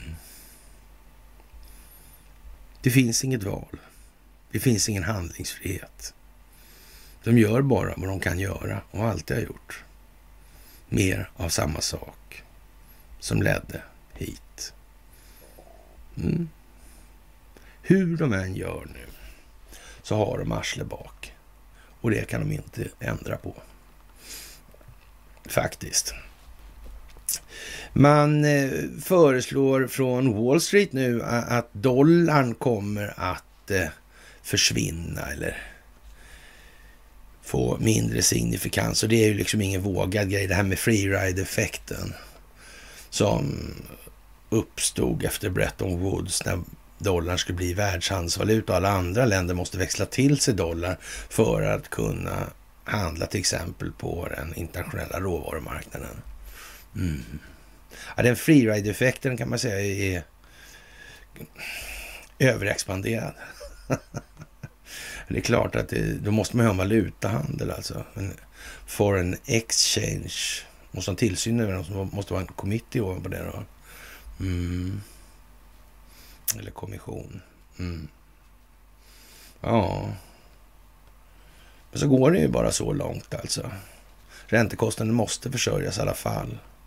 Eh, och man måste ha ett, en minskad omfattning på kopplingarna som värdet på valutan relaterar till. Då. Det går ju liksom inte att ha fasta myntfötter då. Det är ju liksom, det går, kan inte ha fasta växelkurser. Och, eh, men en valutamarknad är ju fina fisken, en spekulationsmarknad. Skuggbanksystemet, fantastisk konstruktion alltså. Blythe Masters. Mm. Som sagt, ja. Mm. Vi har pratat om det på föreläsningarna också och det är ju ganska bra att sätta sig in i det också nu faktiskt. Det här med ekonomin är trots allt 15 procent av helheten i det här. Mm. Och det här monetära systemet, valutafinansiella systemet, det är inte den minst avgörande delen. Och tyvärr är det ju så att det här är någonting som är otroligt eftersatt fortfarande. Det är jobbigt. Ja. Ändå tycker alla till om det som fan alltså. Mm. Det är ju det. Ja, mycket speciellt. Man planerar för den här mastodonträttegången mot Lundin alltså. Och det är Sveriges kanske största rättegång genom tiderna nästa år. Då. Och eh, det är enorma mängder information som ska processas i, och bedömas alltså i den här rättegången. Ja. Man kan säga att det här tilldrar sig ett inte obetydligt internationellt intresse. Den här eh, sfären runt Investor och familjen Wallenberg. Där Lundin-familjen ingår. Mm. Ja, det är vad det är alltså. Och tillvägagångssätt eller det modus operandi som man använder sig av när man bedriver den här typen av verksamhet i andra länder. Alltså ungefär som att muta IS och la la la liksom. Mm. Det verkar gå igen på något vis alltså. Det verkar vara... Ja. Det sitter liksom i ryggmärgen. Ja, inte bara i tapeterna, sitter i stommen och bjälklaget alltså. Ja, fantastiskt. Och det tar ju tid alltså. Och det blir ju otroligt spännande att se och, och ja, vem vet? Det här är naturligtvis omfallsplanering. Det kan ju lika bra ta en enda förskräckelse mycket snabbare. Eh, ett valfusk imorgon och den amerikanska militären kommer med ganska god sannolikhet att visa upp nyllet för första gången offentligt då i så fall. Mm. Det är ju det. Det är ju det. ja. Så ja, vi får väl se hur långt det behöver gå med olika saker. Men eh, det kommer att bli en fantastisk tid som kommer nu. Som eh, börjar nu alltså, den här veckan. Det är ju lite lustigt egentligen, alltså det har kommit så här långt nu faktiskt. Ja, och ja, Ulf Kristersson får inte fjäska för Erdogan, skriver man i Omni. Här. Och, och man undrar väl kanske lite försynt, och vem fan får han fjäska för egentligen? Eller tänker de prata stulna barn eller tillgången till lägenheter? Vad är frågan om här egentligen? Och, och han åker alltså till Ankara imorgon alltså. Och vad Erdogan egentligen vill uppnå med sina krav är oklart. Eh, DN spekulerar i att det kanske handlar om att visa upp sig inför nationalistisk hemmapublik inför nästa års val. Vad det än handlar om slår tidningen fast att Sverige inte ska fjäska för Erdogan och, och gå emot svensk lag bara för att vara med i NATO. Och det var väl då eh, Molgan, höll upp men Wolfgang Hansson som eh, tyckte till där i, i någon form av ledarartikel. Alltså. I Dagens Industri riktar Frida Wallnor fokus på mellanårsvalet i USA. All, alarmerande många republikaner tror inte på att Joe Biden vann presidentvalet, vilket bör ses som en varningssignal även i omvärlden, eh, skriver hon. Och det får man väl nästan säga. Att det är väl ungefär det vi sitter upp här och pratar om nu, eller jag pratar om i vart fall. Så, så Ja, det verkar liksom som att det här kommer liksom, nu knackar det på dörren här, nu kommer det in också, det går inte att säga nej eller så. Sverige och Europa måste förbereda sig på att antingen Trump eller en likasinnad tar makten i Vita huset. De förändringarna som ett republikanskt inflytande kan medföra kan bli betydande för bland annat handelspolitiken enligt Wallnor. Ja, och de här, den här handelspolitiken skulle ju möjligen då kunna Eh, vara någonting som har att göra med den här globalistfamiljens olika förehavanden över tid. Kanske? Ja, ni, ni har ju liksom... Det här är ju som det är nu helt enkelt. En mycket berättigad fråga alltså. Vem får man fjäska för och varför? Det kan man undra alltså. Och den här som gjorde dataspel där om varuhuset där, blå och med gul eh, skylt där alltså. Mm, fick varningsbrev av Ikea. Uh, jag vet inte om det där, den här killen, om han är där Jacob Shaw där. Uh, jag tycker jag har sett en liknande eh, struktur på bild på, på, i olika sammanhang och då brukar det på något vis antydas det där i dataanimationer alltså. Mm. Kan hela figuren vara sån? Måste här, den här show existera än som fysisk person? Skulle någon kunna iscensatt det här kanske? Det är ett mer avancerat, eh, en avancerad bot kanske, eller troll. Mm, jag vet inte. Och hur som helst då så skulle han ju möjligen kunna få hjälp av eh, någon kunnig aktiebolagsrätt i de här sammanhangen. Det här Inka där alltså. Mm. Konstigt alltså. verkar vara liksom, det där Inka, det har väl att göra med det där Urbit också. Och han, eh, den nyvunne katoliken Jonasson där. Mm. ja, ja, ja, det kan man inte. Ja, det är roligt. Det är roligt alltså. Mm. Ja, ja, ja. Kanske påven har som vill ha ny bankir. Det vet man aldrig. ja, det skulle, vara så här, det skulle nog säkert vara lönsamt för världen i alla fall, men kanske inte just för Vatikanen. ja. Jaha, och eh, den amerikanska makten är sån att valen bevakas noggrant oavsett var i världen man bor alltså. Och, och det här är bara amerikanska som får rösta i det här alltså. Och, och ja, vad ska vi säga egentligen här nu? Vi ska inte säga så mycket egentligen, för det här kommer ju att visa sig. Och, och ja, det är föga troligt att det här tar någon annan väg än den som är planerad, om vi säger som så. Alltså. Mm. Så är det ju. Mm. Han dör, han håller på. Han håller käften. Han gör det han ska. Det handlar om timing. Mm. Det handlar om att det ska gå i takt med den övriga omvärldsutvecklingen. Mm. Och, och, nu behöver man liksom, nu måste man nästan i det här laget ha hunnit konstatera att den djupa, här begreppet djupa staten, det verkar på något vis existera. Så. När man väl har kommit så långt så finns det väl inte så där många eh, mer frågor kvar. Men en fråga som är kvar i alla fall, det, det är ju den här frågan som kommer då rätt så automatiskt. Då, men vad är egentligen kärnan i det här? Vad sitter högst upp för något? Ja, så mycket kan man säga. Det är inte så många saker av de här, allt vi har pratat om under eh, evigheters evigheter, eller decennier, de här, så, som... Ja, det kokar på något vis ner till att det, blir något, det har blivit något rent svenskt egentligen. Alltså, men det har varit under svenskt inflytande under väldigt, väldigt lång tid samtidigt.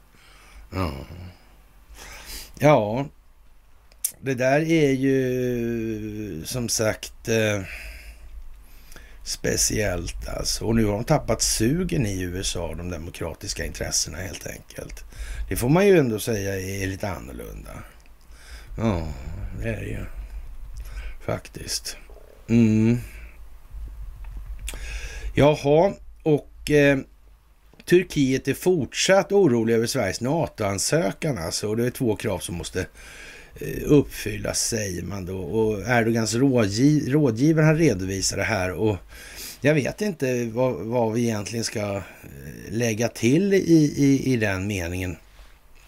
Att eh, det, det, är en historisk möjlighet för Sverige att ta sig in i NATO då anses det då i, och det skriver den här eh, Faretti Nalton Altun, Eh, kommunikationsdirektör vid presidentkansliet i Turkiet i en debattartikel i Aftonbladet. Då. Det turkiska folket tolkar hans beslut om ett besök som en signal att Sverige hörsammar Turkiets legitima oro och vägran att böja sig vid påtryckningar från terroristorganisationer som PKK, säger Altun. Då. Och ja, det finns fortfarande stor oro i Turkiet, säger Erdogans rådgivare och lyfter fram avtalen mellan länderna som undertecknades under NATO-toppmötet i Madrid i juni. Och, och två av kraven pekas alltså ut. För det första Första bad Turkiet Sverige att häva restriktionerna för försvarsindustrin.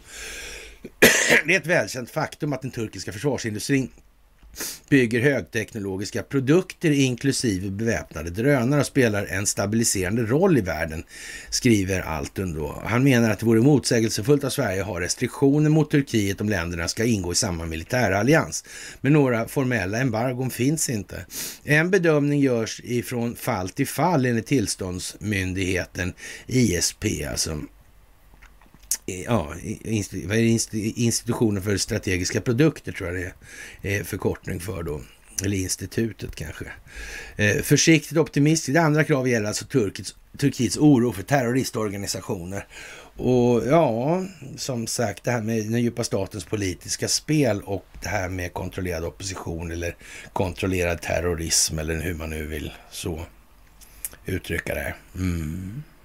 Det här är lite annorlunda faktiskt. Det får man fan i mig konstatera i det här läget. Ja, Den turkiska regeringen är försiktigt optimistisk kring att regeringen i Stockholm tar konkreta steg för att ta itu med den här oron. Och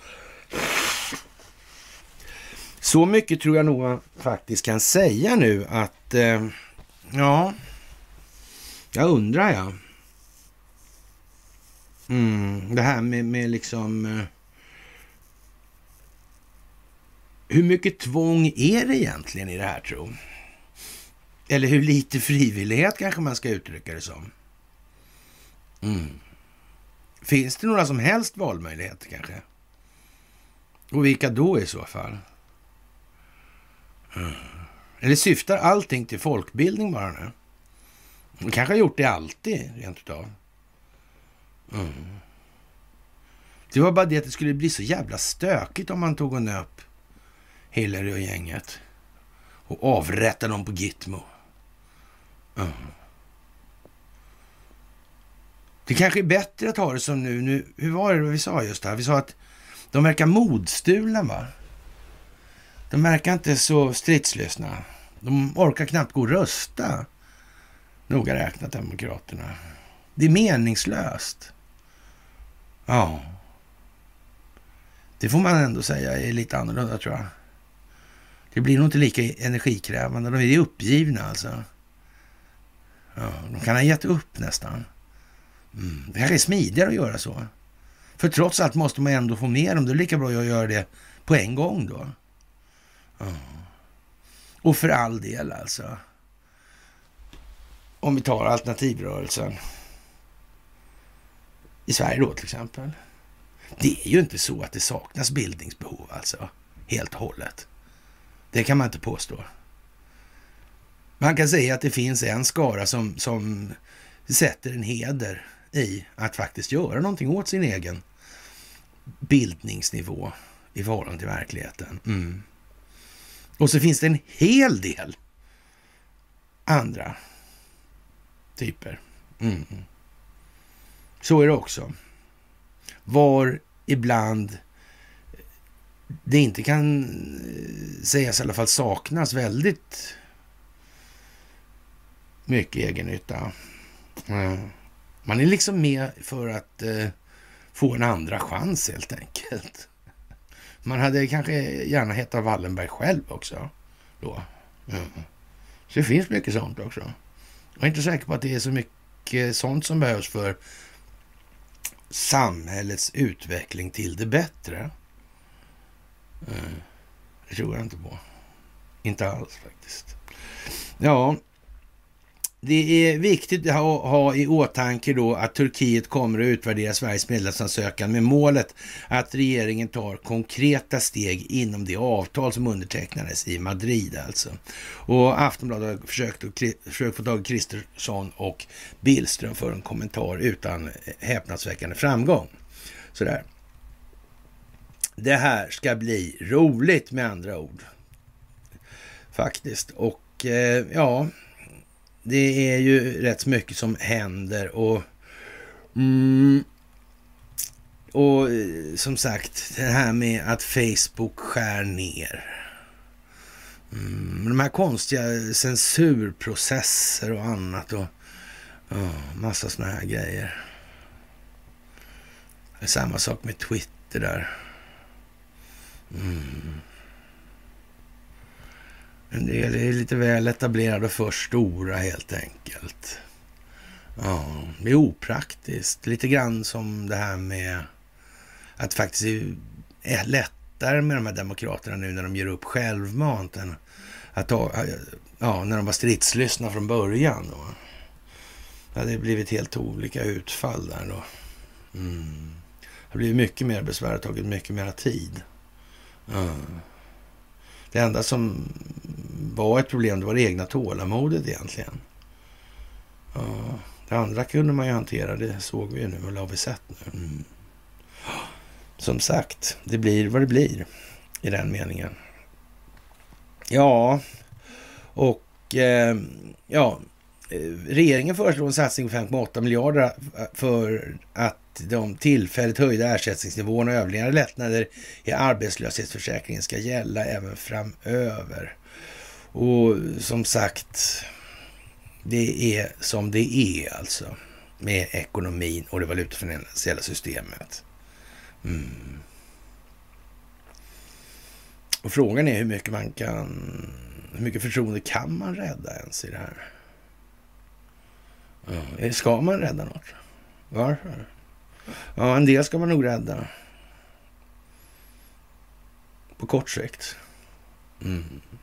För att inte omvälvningen ska bli för stor. Mm. Så hela samhället tippar. Ja, det där är speciellt alltså. Och den här Pia Gruvö då som blev en nyckelpiga eller då nyckelbärare och kryptoofficer då när det gäller då nycklarna till internet alltså. Mm, 14 personer har handplockats från olika platser i världen. De har uppdraget att vakta varsin nyckel. Utan dessa nyckelbärare skulle internet sluta fungera på ett säkert sätt alltså. Mm. Ja, det där är ju lite speciellt och, och kopplingarna till underrättelsetjänstkollektivet i de här sammanhangen och historiken bakom och det här med James Bond och ja, William Stevenson. Den här föreläsningen, eh, spioncentralen eller spionfabriken.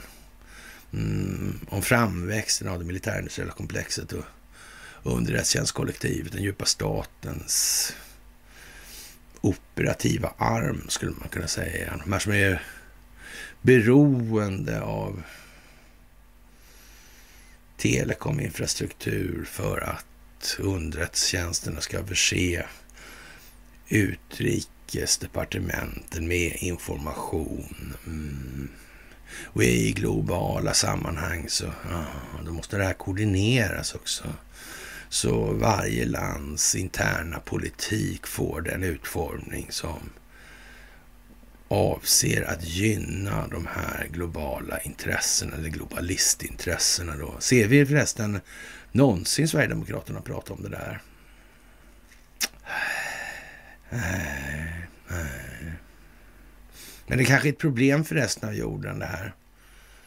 Ja, det kan det ju vara. Mm. Men borde inte de kanske tänka att vi lever ju också på jorden och kanske alla blir sura på oss? Ja, det kan ju vara så. Alltså, det kan ju vara så. Mm. Ja, det där är ju mycket speciellt alltså. Mm. William Stevenson, ja. Mm. Och den här Donovan. Mm. OSS. Bröderna Dall. Washingtonförhandlingarna. Kryptograf, Boris Hagelin. Mm. Jag tror sökrutan på bloggen liksom fungerar på något vis i de här sammanhangen. Jag tror att det är så. Jag är helt säker faktiskt. Ja, det där är ju lite... Ja. JFK, CIA, Grisbukten har vi varit inne på. Och Ghislaine Maxwell, hennes farsa Robert Maxwell. Mm, Hambro. Mm. Inte konstigt. Nej, inte så, men tunnlarna under Stockholm. Skandiahuset, Ulehuset. Mm.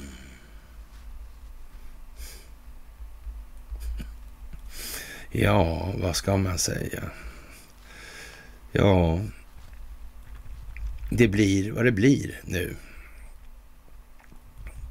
Ja, och eh, 2500 miljarder spänn ligger och pyr under arslet på herr Thedéen alltså. Och jag vet inte riktigt om det är så jävla roligt alltså. Eh, de här bostadsobligationerna är en höjdare, men jag vet inte heller om det är hur det är med Thedéen i de här sammanhangen. Nej. Det här med att ha enskilda intressen inblandade i ja, vad ska man säga, avgörande infrastrukturintressen, alltså, eller intra, avgörande infrastrukturfrågor. Ja. Jag vet inte, det är skitbra. Alltså, det verkar som de här enskilda intressena främst är enskilda intressen. Inte så allmänna om man säger så, eftersom de heter enskilda. Mm. Det kanske inte är någon bra idé. Jag är inte säker. Ska vi ha privata atombombsinnehavare? Det verkar självklart att vi inte ska ha det, det förstår de flesta. Men sen går det smått med förståelsen skulle man kunna säga. Mm. Påfallande ofta dessutom. Trist, men icke desto mer sant. Och varför adresserade alltså aldrig SD frågor om, om särskilda svenska intressens agerande i konfliktzoner gällande migrationseffekterna till exempel? Varför gjorde de aldrig det? Och nu blir det knäpptyst. Nu säger de ingenting. Ja, alltså, man kan ju inte bara eh, annat än att få intrycket att det här är en tomlåda. Ja. Det är en tomlåda alltså. Mm. Det, har ju, ja, det har valts ett parti alltså i de här sammanhangen.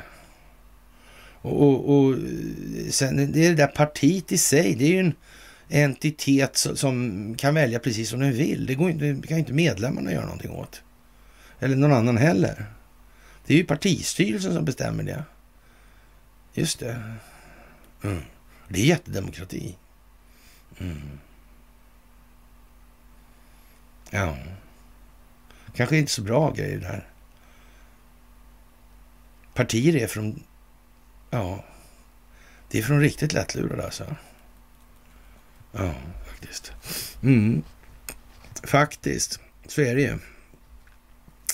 Och vi kan ju konstatera där, vilka är det som finansierar Ukraina? Vi kan ju säga att det är nog eh, ingen liten utsträckning så att det är underrättelsetjänster, till exempel CIA. Så mm, ett och annat svenskt företag finns säkert med där också. Mm. Ja, ja, så kan det ju vara, ja. Mm. Och som sagt, Hunter Biden, han var i Ukraina. Mm. Burisma. Mm. Kolomojski Zelensky. Mm.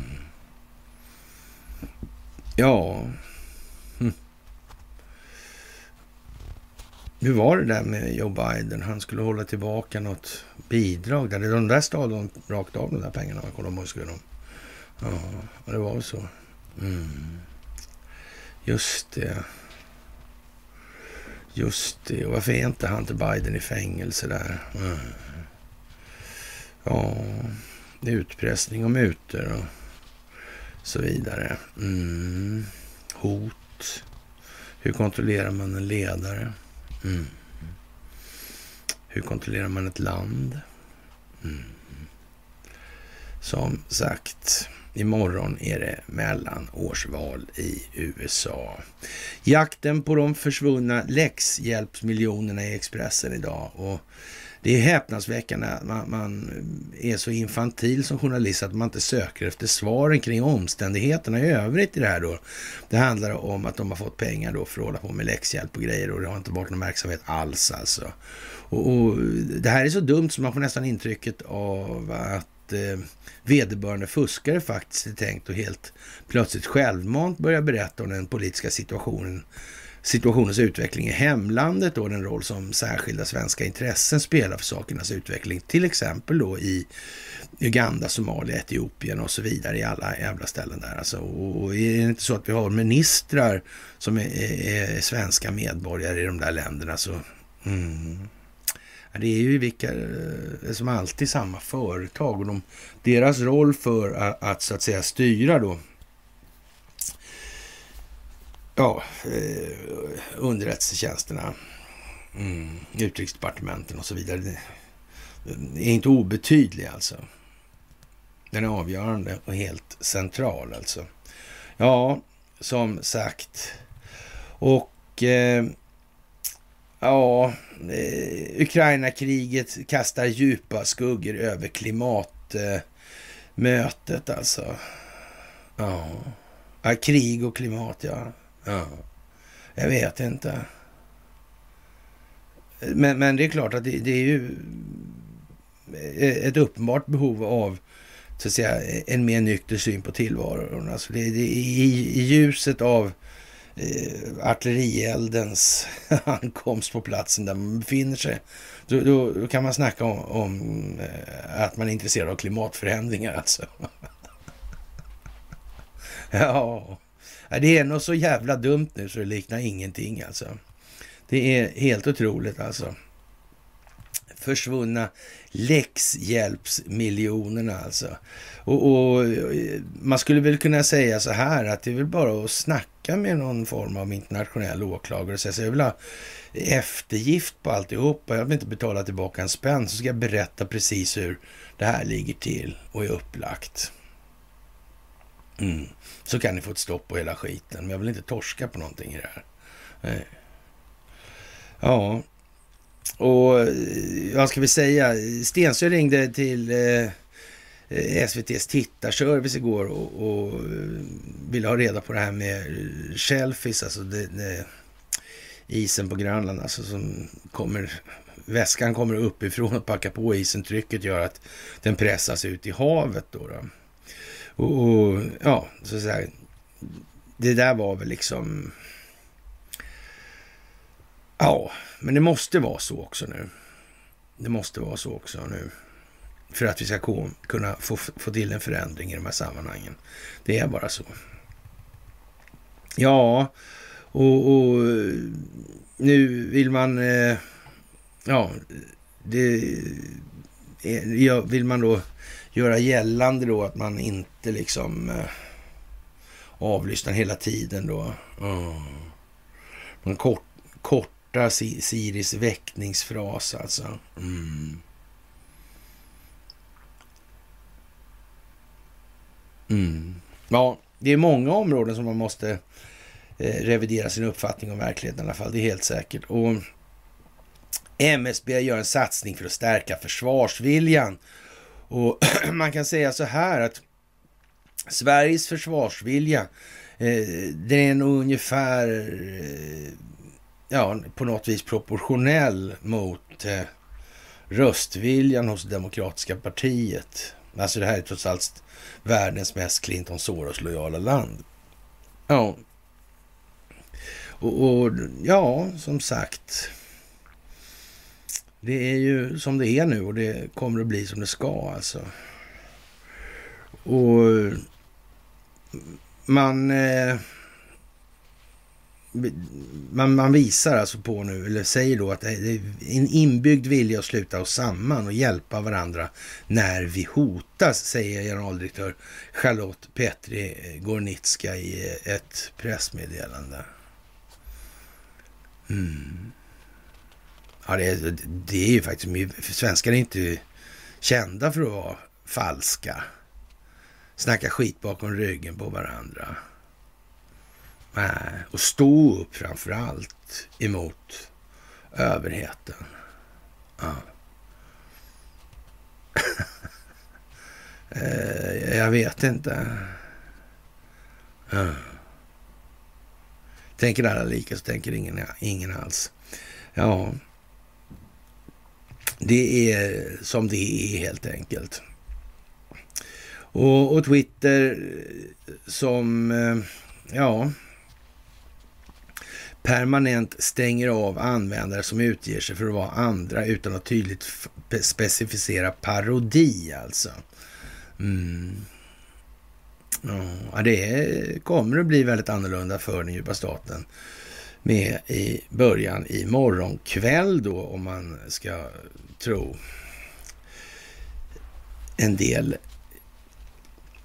ja, vad ska vi säga, pretendenter på den kommande makten i representanthuset, så kan vi säga.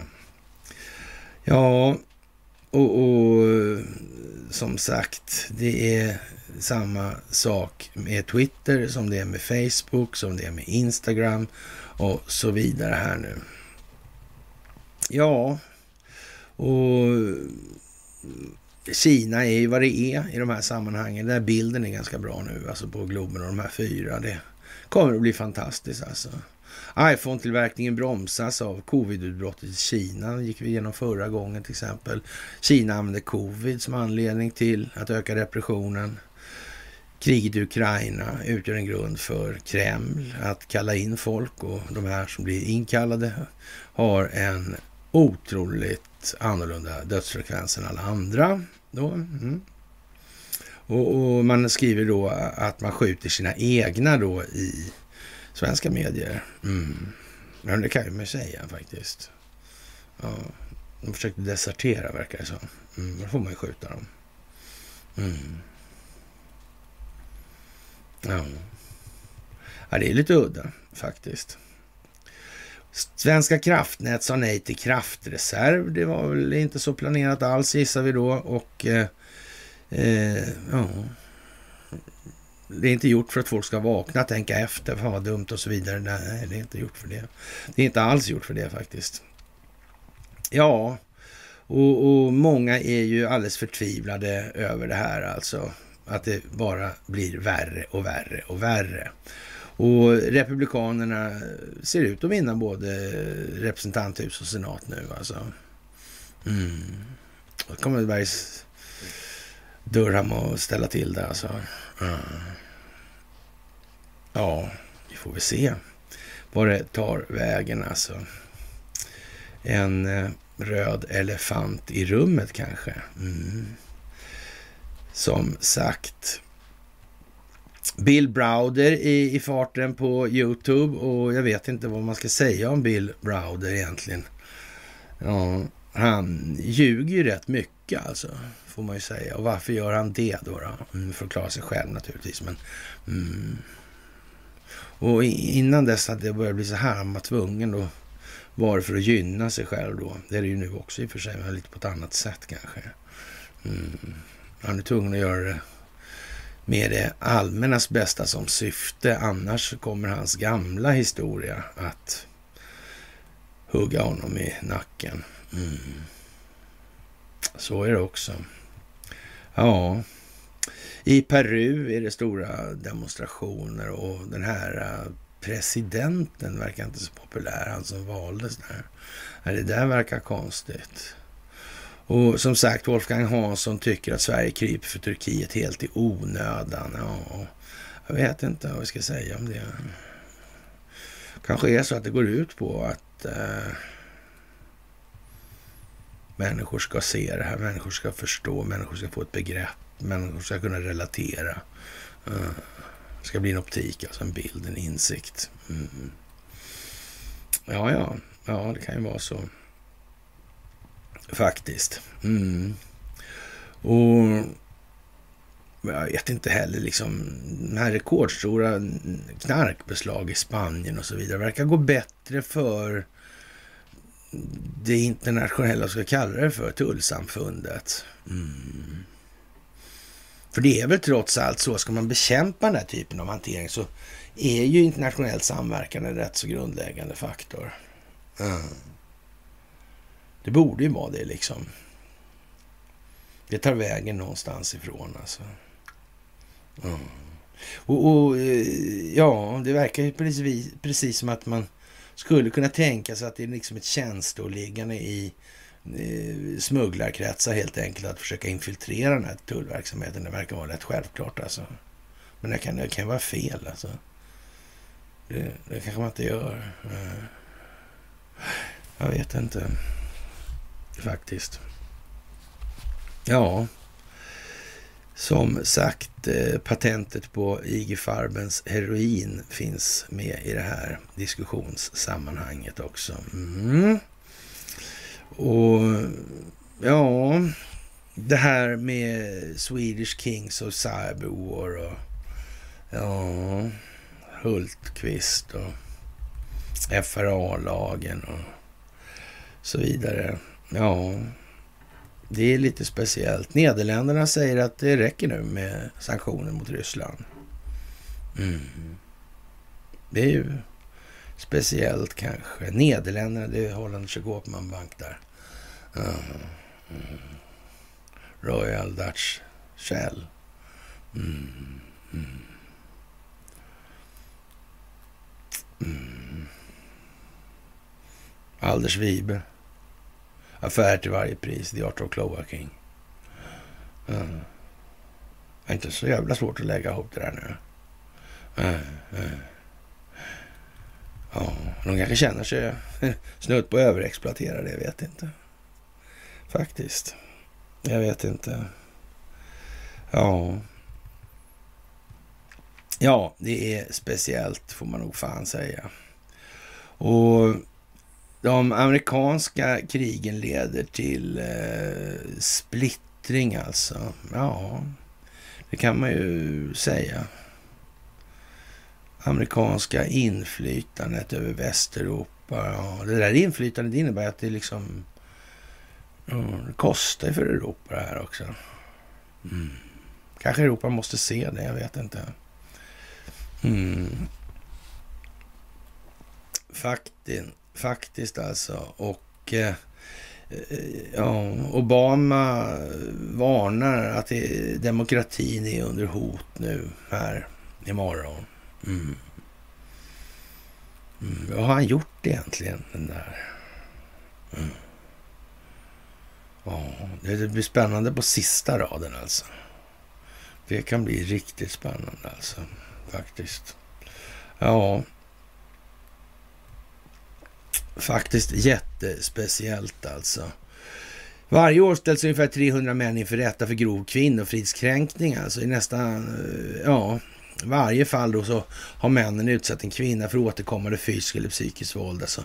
Men, men polisen missar ofta eh, misstänkt ekonomisk brottslighet mot kvinnor i utredningarna, säger Ann-Sofie Henriksson, lektor i rättsvetenskap vid Umeå universitet. Alltså.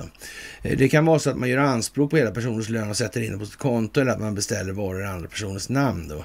Den här ekospecialen handlar om ekonomiskt våld i eh, parrelation där män styr över eh, familjens pengar som en del i att kontrollera sin partner.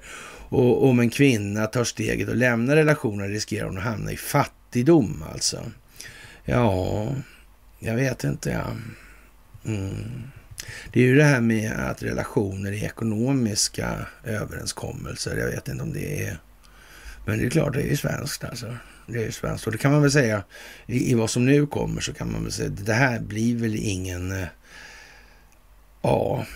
Mm, det blir nog ingen parrelationernas stjärnvinter. Alltså de som inte har liksom kommit på det här, att det, vad det här är, borde vara för någonting egentligen, det här med relationer och så vidare då. De kommer nog att tycka att det kommer en del tråkigheter längs vägen nu, ja. Det kan nog vara så. Mm. Ja, men jag vet inte. Det är väl som det är. Ja, som sagt. Eh, ja, man eh, får väl hoppas att eh, det går så bra det kan i alla fall och att det blir en trevlig jul för alla och sådana grejer. Mm. Ja, för det kommer att bli en jul att minnas i alla fall, det är i alla fall helt säkert. Ja, som sagt, det är väldigt mycket det här. Vi har tagit upp det här med Redby hundra miljoner gånger nu och, och, och, och i anledning då av att man eh, pratar om nu att eh, det här med fri, i svenska medier då så eh, att BBC fyller 100 år nu och, det har att göra då liksom med, opartiskheten kan bli lite ifrågasatt här nu och så vidare. Men det, det här med Red B Media och, och, så vidare i det här, jag tror att det är en sån grej som man bör känna till nu alltså. Uh. Och om inte annat så bör man ju tänka på då att om det ska bli lite mörkt någon gång eller bli lite eh, inte riktigt lika gediget tv-utbud alltså. alltså. Man ska tvinga folk att och, ja, umgås kan de inte göra i alla fall för de glömt bort hur man gör. Va? Mm. Så där, så det. Men då får man ta tvn ifrån och tror jag, så får man ersätta programutbudet med någonting som är av mer bildningsskapande karaktär tror jag. Ja. Kan kanske bli en jul att minnas även ur det perspektivet. Det är inte omöjligt i vart fall. Ja. Och är det så att man inte går med på det då kan man ju alltid slippa ha el då. Till man går med på det. Mm. Ja, ja. Som sagt, eh, kurdiskt parti kräver nu att Sverige tar hem IS-svenskarna. Såklart alltså. Mm. Ja. ja, vad ska man säga?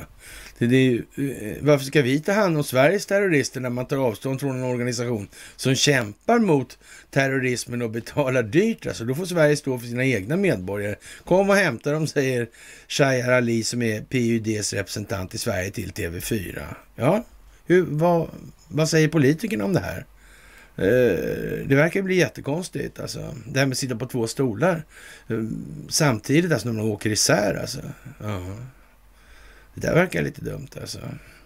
Det verkar jättedumt alltså. Ja. Det där verkar speciellt alltså. Mm. Nej, det är lite spe speciellt helt enkelt nu. Jaha, men vem ser de då om det inte är svenska? De här i, varför blir det så noga hela tiden? Är det inte Sverige då? Eller är det någon annan part i Sverige? Eller något annat i Sverige då? En annan entitet eller andra intressen? Eller vad är det för någonting? Ja, det är svårt att säga alltså. Det är svårt att säga. Det är inte alls svårt att säga i och för sig då, men, men ändå alltså. Ja, och Eh, största bidragsgivarna inför det här valet då i USA är naturligtvis George Soros och herr Thiel då. Och man får väl eh, nästan säga att Peter Thiel har förberett sig rätt länge för det här utvecklingsförloppets skede som kommer nu. Alltså. Mm, det här med Palantir och ja, Eh, berättat om det här hundra gånger nu tror jag, men i alla fall då. Mm. Det här med patenten också, ja. Mm. Trafikstyrningen. Mm. Det var väl något med den här DNS-historien också då. Ja. ja, tänk vad konstigt allting. Det verkar som det är planerat allting. Faktiskt alltså. Sådär alltså. Ja. Och, och, Biden vill då att Zelensky bryter mot det här. Han, han vill att han ska prata med Putin. Alltså. Ja, ja, jag vet inte, det är någon bra idé det där alltså. Och Vildräng, eh, ja, Corner, alltså han, han, eh, ja, vad ska man säga? Mm, eh, frisyren var ju lite sådär, får man nästan säga i alla fall. Och det här är en svartfritt fråga det här med Ukraina nu enligt Vildräng. Mm. Ja, det kan man faktiskt säga att det är. Mm. Det handlar om att antingen förstår allmänheten verkligheten på sånt sätt att det medvetna, medvetandet blir tillräckligt. Ja, individen blir tillräckligt vis. Mm. Då gör den inte det. Det är svartvitt. Det är två saker. Jag tror inte det är det som Corny menar. Faktiskt. Känns inte som det. Men i och för sig har han rätt. Ändå då. Jaha, 59 personer eh, förlorade lite pengar då. Och det här med bankerna som sagt var. Ja, det är konstigt. Konstigt, konstigt, konstigt. Och ja, insättningsgaranti. Ja. Mm. Det där med depositionen alltså. Att ta en skuld då. Mm. Sin egen, så att säga, skuld till låntagaren. Och bokför det som en monetär inlåning alltså. Mm. Men vad fint liksom. Vilken bra idé. Ja. Det är en bra idé. Och Millenniumböckerna där, fortsättning på det. Och bråttom med deadlinen också. Folkbildningen tycks ha jävligt bråttom alltså.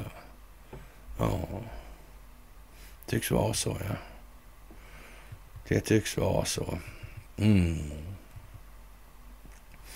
Ja, Save America, säger Donald Trump så här dagarna innan. Så är det ju alltså. Mm. Och det här med den svenska historien i de här sammanhangen, det är ju någonting som inte går av för hacker heller. Och det är bara vi i det här landet som ens har skuggan av en chans att sätta oss in i de förhållanden som har varit. Och sen försöka förklara det här vidare. Mm. Vi kan inte sitta och vänta på att djupa staten ska göra det här eller att Dick Harrison ska rycka ut. Det kommer inte hända. Och det här är lite speciellt. Alltså flera av främ Tysklands främsta historieskrivare betecknar alltså Gustav II Adolf som en fantastisk människa. En räddare ej blott av den protestantiska tron utan även av den tyska nationaliteten, vilken hotade att inte göras av spanska jesuiter och fosterlandslösa hövdingar för legoknäktar alltså. Men lika älskad och vördad som Gustav II Adolfs eh, bild är av de tyska protestanterna, lika hatad är den i vår tid på den katolska sidan alltså. Oh. det här med stormaktstiden verkar ju vara lite delat om, om vad det där är bra. Men polackerna tycker inte att det där är så jävla hundra alltså. Den svenska syndafloden snackar de om. Oh. Den protestantiska hjältekungen alltså har blivit eh, en symbol för den som aldrig helt avstannande mellan de båda religionerna och, och detta går igen i den katolska historiebeskrivningen alltså. Genom systematiskt ömsom förtigande, ömsom förvrängande av fakta ger detta eh, slags hävdateckning en rad påtagliga bevis på att eh, satsen ändamålet helga medlen alltjämt är ledstjärna för katolska ytterlighetsmän alltså. Mm. Ja, jag vet inte. Var det sådär med den djupa staten och svenska syndafloden och de här grejerna? Det var bara bra egentligen med, med Gustav II Adolf och Karl XII. Det var bara bra grejer. Mm. Eller? Är det? Jag vet inte faktiskt. Ja. Som sagt, eh, och ja, det här med att blanda sig i Tysklands inre angelägenheter. Ja. ja. En omättlig makt och ärelystnad drivits att lura sitt folk in i ett fullständigt onödigt krig. Ja. Och, och, som sagt, eh, Sverige hade alltså fått en utkårad drottning och vem skulle leda landets öden till den, det som blev myndig. Alltså vem förmådde nu föra det väldiga krigsföretaget till ett lyckligt slut, det vill säga han fortsatte att kriga. Jo, det är naturligtvis Axel Paxel liksom som är farten här då. Det var Axel Oxenstierna. Och ingen hade som han levat sig in i en konungs tankar. Och ja, eh, som, eh, vad ska man säga, Eh, utomlands förklopp förkroppsliga Axel Oxenstierna i sig den svenska stormaktens anseende. Hans namn var så känt över hela Tyskland att man till och med hörde det nämnas i barnkamrarna alltså. Och Richelieu skrev i respekt för hans stora egenskaper till sitt sändebud Davos, Davos Eh, jag skulle kunna göra vad som helst för att bli värderad av rikskanslern, vilken jag synnerligen högaktar. Och hans närmaste efterträdare, den framstående statsmannen kardinal Mazarin, uttryckte en gång om alla förstar i, eh, alla Europas statsmän borde tillsammans på ett fartyg, så borde man överlämna rodret åt Oxenstierna. Ja, vad ska man säga egentligen?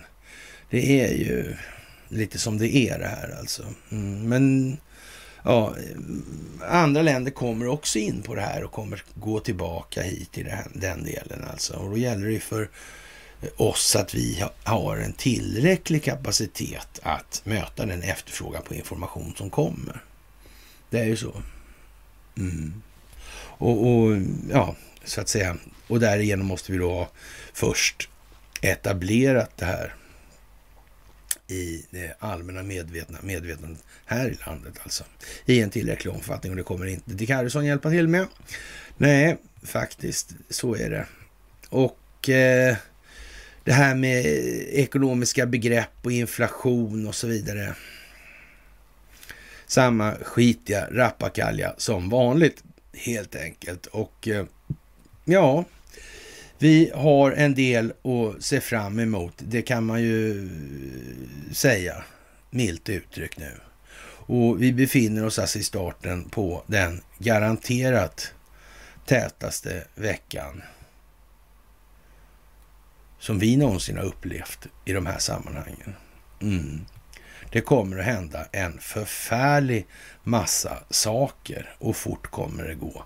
Och äh, de här metaforerna med den här äh, ormen och så vidare och, och associationerna till kungen och, och, och, ja, vi hade kunnat behövt spränga hela byggnaden. Han var jättearg när han kom tillbaka, ormen. Mm. Mm. Ja. Det var ju speciellt det där alltså. Faktiskt. Mm. Ja, och Twitter tänker eh, lägga till funktionen att man kan ta längre texter. Ja. ja. Det blir ju svårt då för andra plattformar att hålla fast vid vad som har varit. Mm. Det blir ju lite så. Det blir ju lite så. Ja, och eh, vi kan väl eh, slå ett slag för rökstenen och kristendomen i det här Youtube-klippet som heter så. Rökstenen och kristendom. Mm. Vi tar oss neråt så sakta bakåt i tiden genom historien. Nya vinklar. Mm. Och det kommer att bli bra. Det är alldeles, alldeles jävla säkert. Fantastiskt alltså, är det. Vi ser fram emot morgondagen med spänning. Det kan ju bli jättespännande. Eller ja. Vi får helt enkelt se. Vi får helt enkelt se. Ja, det är fantastiskt att få göra det här tillsammans med er. Det är helt otroligt. Och nu står vi i den här veckan med mellanårsvalet. Mm. Och nu får vi se vad det här kommer att eh, ja, leda till helt enkelt. Faktiskt. Och eh, amerikanska Tucker Carlson, eh, ja, genom att göra individen stark så gör man landet starkt. Mm. Det är det där med demokrati och republik. Det är lite konstigt det där. Mm. Tänk kan det finnas ett syfte bakom har som vi har. Men det syftet verkar inte, så här i slutet på det här systemet så verkar inte det syftet främst vara ägnat åt att gynna befolkningen. Det verkar vara så att allt färre blev allt rikare på allt fler människors bekostnad. Jag tror vi får göra så. Vi får byta system helt enkelt. Ja. Men eh, det hinner vi inte göra den här veckan. Uh, det är en del annat vi måste göra. Vi måste nog göra det vi gör faktiskt. Och, och sen måste andra göra det de måste göra. Så är det ju naturligtvis. Mm. Det är ju så. Fantastiskt hur som helst. Och ni ska ha det allra, allra största av tack för det ni gör alltså. Ja. Som sagt, eh, man, man, får väl eh, nästan eh, säga att ja, det är som att nu öppnas teatern. Nu är det bara att gå in och sätta sig och titta. Samtidigt som vi fortsätter med det vi gör naturligtvis. Ja, kära ni. Ni ska ha det absolut största av tack för allt ni gör. Och eh, nu har vi kommit hit. Och nu blir det fantastiskt. Ännu mer fantastiskt. Och vi hör av varandra senast på onsdag då. Mm. Och då finns det ju kanske något att prata om, jag vet inte.